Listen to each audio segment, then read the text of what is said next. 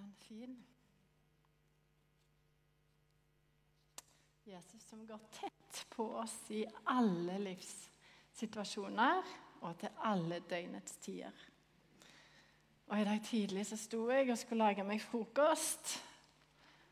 Og så har jeg klump i magen, skjelver og tenker nei, jeg vil ikke på den scenen i dag. Åh. Og så kjenner jeg bare Jesus, du står med meg.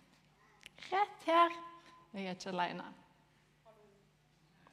Han er der, han ser, han hører, han ler, han griner med oss. Uansett hva som skjer i livet. Og hans dype lengsel, det er å få være sammen med oss. Han skapte oss for det. Han vil dele livet med oss og ha tid med oss. Men så er det ikke alltid at vi har helt tid. Eh, vil det komme opp et bilde på skjermen? Tid til å stoppe opp. Tid til å se Han. Tid til å lytte. Det var feil, men tid til å være. Vi kommer til den etter hvert. Og i dag er temaet tid. Og dere som er ti år eller yngre, når dere hører ordet 'tid', kan dere få reise dere opp og sette dere ned igjen. Så når jeg sier 'tid', så er det opp og ned igjen. Er det greit? Skjønte dere det? For i dag nå skal jeg begynne å lese meg en tekst som jeg leste når jeg var ungdom. Og den ble liksom stikkende fast, sittende fast i hodet mitt. Jeg har båret den med meg hele tida, siden det. Jeg tror jeg er ganske sikker på han er henta fra ei bok som heter 'Djevelen dypper pennen' av C.S. Lewis. Og en fun fact er at det er han som har skrevet Narnia-bøkene òg. Så nå må dere Dette er jo en sånn fantasihistorie, så bare følg med. Djevelen har samlet alle hans demoner til årsmøte, og han begynner talen sin slik. Vi kan ikke hindre de kristne å gå i kirken. Vi kan ikke hindre dem i å lese Bibelen eller kjenne sannheten. Vi kan dessverre heller ikke hindre dem i å få et nært forhold til Jesus Kristus. Og når denne relasjonen med han er der, har vi ingen makt over dem lenger. Vi må nok la dem gå i kirken, men det vi skal gjøre, er å stjele tiden deres. Da vil de ikke ha tid til å utvikle et forhold med Jesus Kristus. Vi må distrahere, slik at de gjennom dagen ikke får opprettholde den livsviktige forbindelsen med sin frelser. Dette er det jeg vil dere skal gjøre, sa djevelen. Men, men hvordan skal vi gjøre dette? ropte demonene hans. Ok, ok, hør her. Overstimuler tankene deres så de ikke kan høre. Frist dem å høre på podkast og Spotify når de kjører, går eller jogger. Mobilen, TV-en og Mac-en deres må holdes konstant i gang. Dette vil forstyrre tankene deres og bryte nærheten til Jesus. Fyll kjøkkenbord og venteværelse med ukeblader og aviser. Kjør på med nyheter 24 timer i døgnet. Følg postkassen deres med søppelpost, postordrekataloger og promoteringer som tilbyr gratisprodukter, tjenester og falskt håp. Pass på at de er for travle til å gå ut og reflektere i naturen over Guds skaperverk. Send dem heller til fornøyelsesparker, idrettsarrangement, teaterforestillinger, konserter og filmer. Hold dem opptatt, opptatt, tatt. Forsøk å friste dem til å bruke mer og låne mer og mer og mer. Overbevis både kvinner og menn til å jobbe mest mulig, gjerne 26 dager i uken, slik at de har råd til sin tomme livsstil. Og hold dem unna og tilbringe tid med ektefelle og barna sin ettersom familien deres går i oppløsning vil ikke hjemmet deres lenger være et attraktivt hvilested. Fyll livet deres med så mange gode formål at de ikke har tid til å søke styrke fra Jesus. Slik vil de arbeide i egen kraft, og familiene og helsen ofrer de for formålets skyld.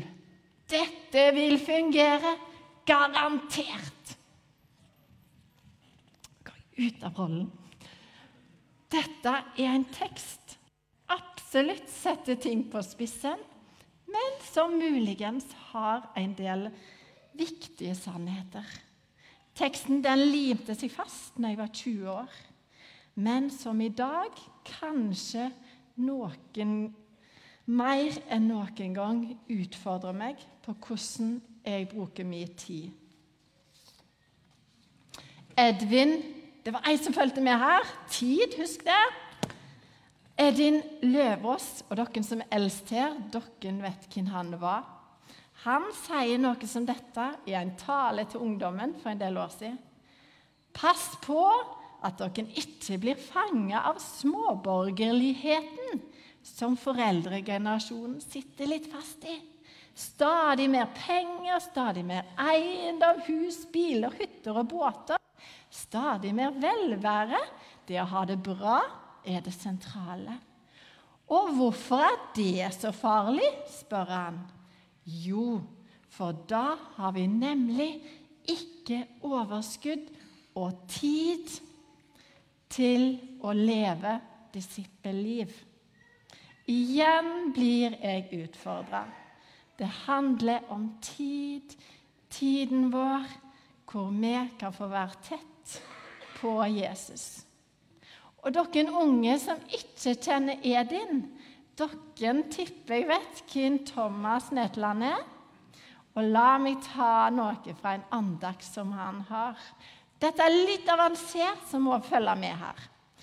Distraksjon, altså noe som tar fokus vekk fra det som det egentlig handler om, sammen med tvillingen travelhet det er den største trusselen mot mitt andaktsliv, sier Thomas.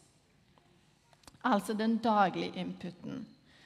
Og telefonen er nok i grunn den distraksjonen som flest av oss Det er den som gir mest eh, distraksjoner i livet. Ja, han er et nødvendig verktøy, men for mange av oss så fungerer den som sperkel i alle livets små pusterom. Og pusterom Siden tidenes morgen har det ledet mennesker til undring og forvandling. Og la meg ta noen eksempel. Her er livet med pusterommet.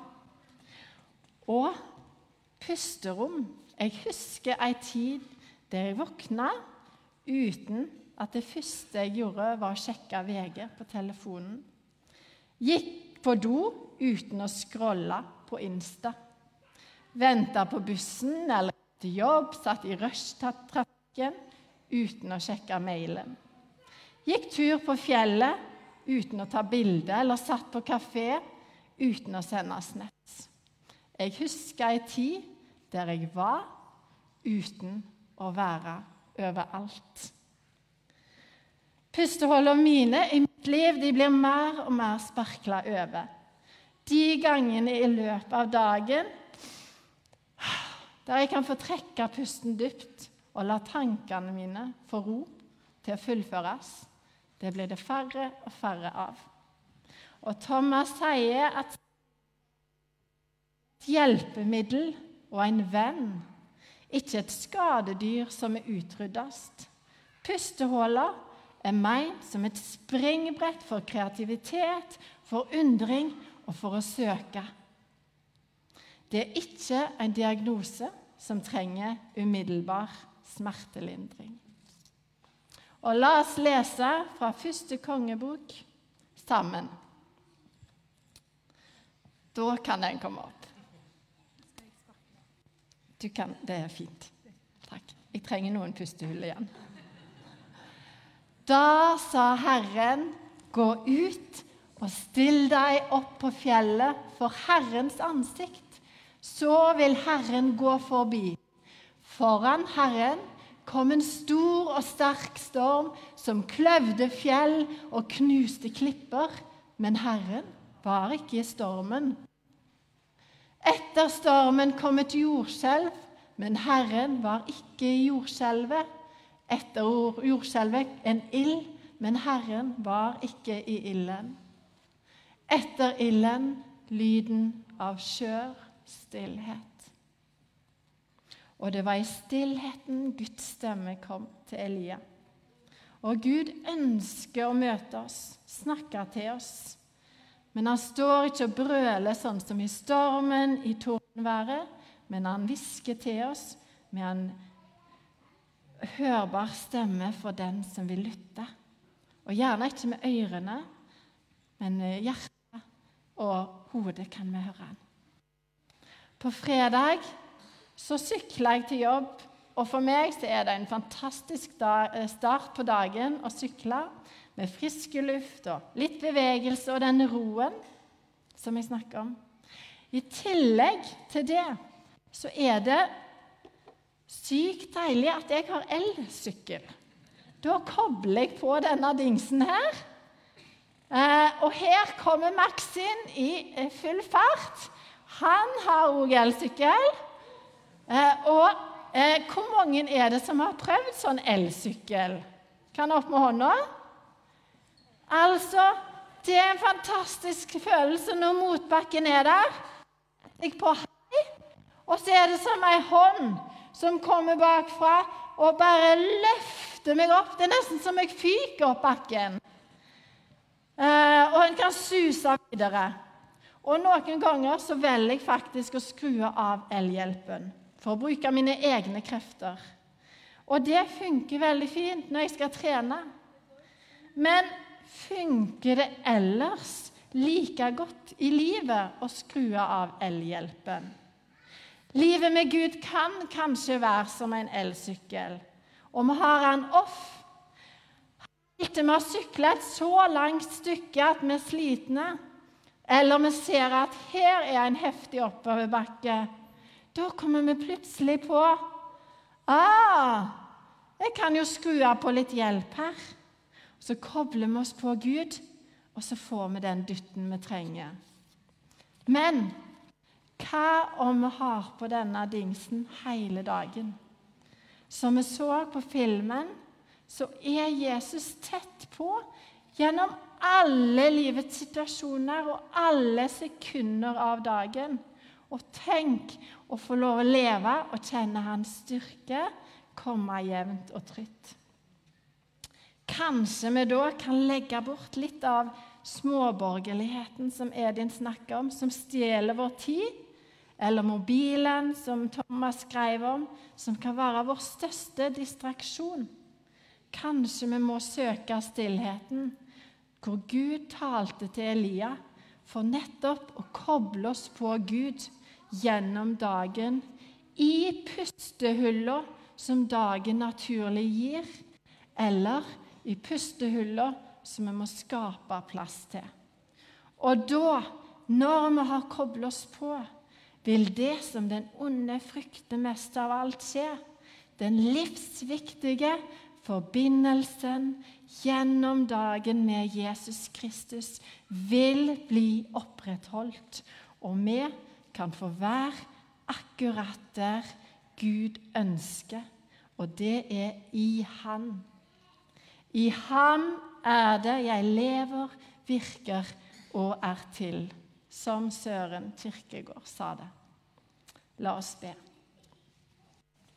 Takk, Jesus, for at du er tett på uten at vi ser deg med øynene våre eller hører deg med ørene våre, så kan vi vite at du er den som gir styrke og guiding gjennom dagen.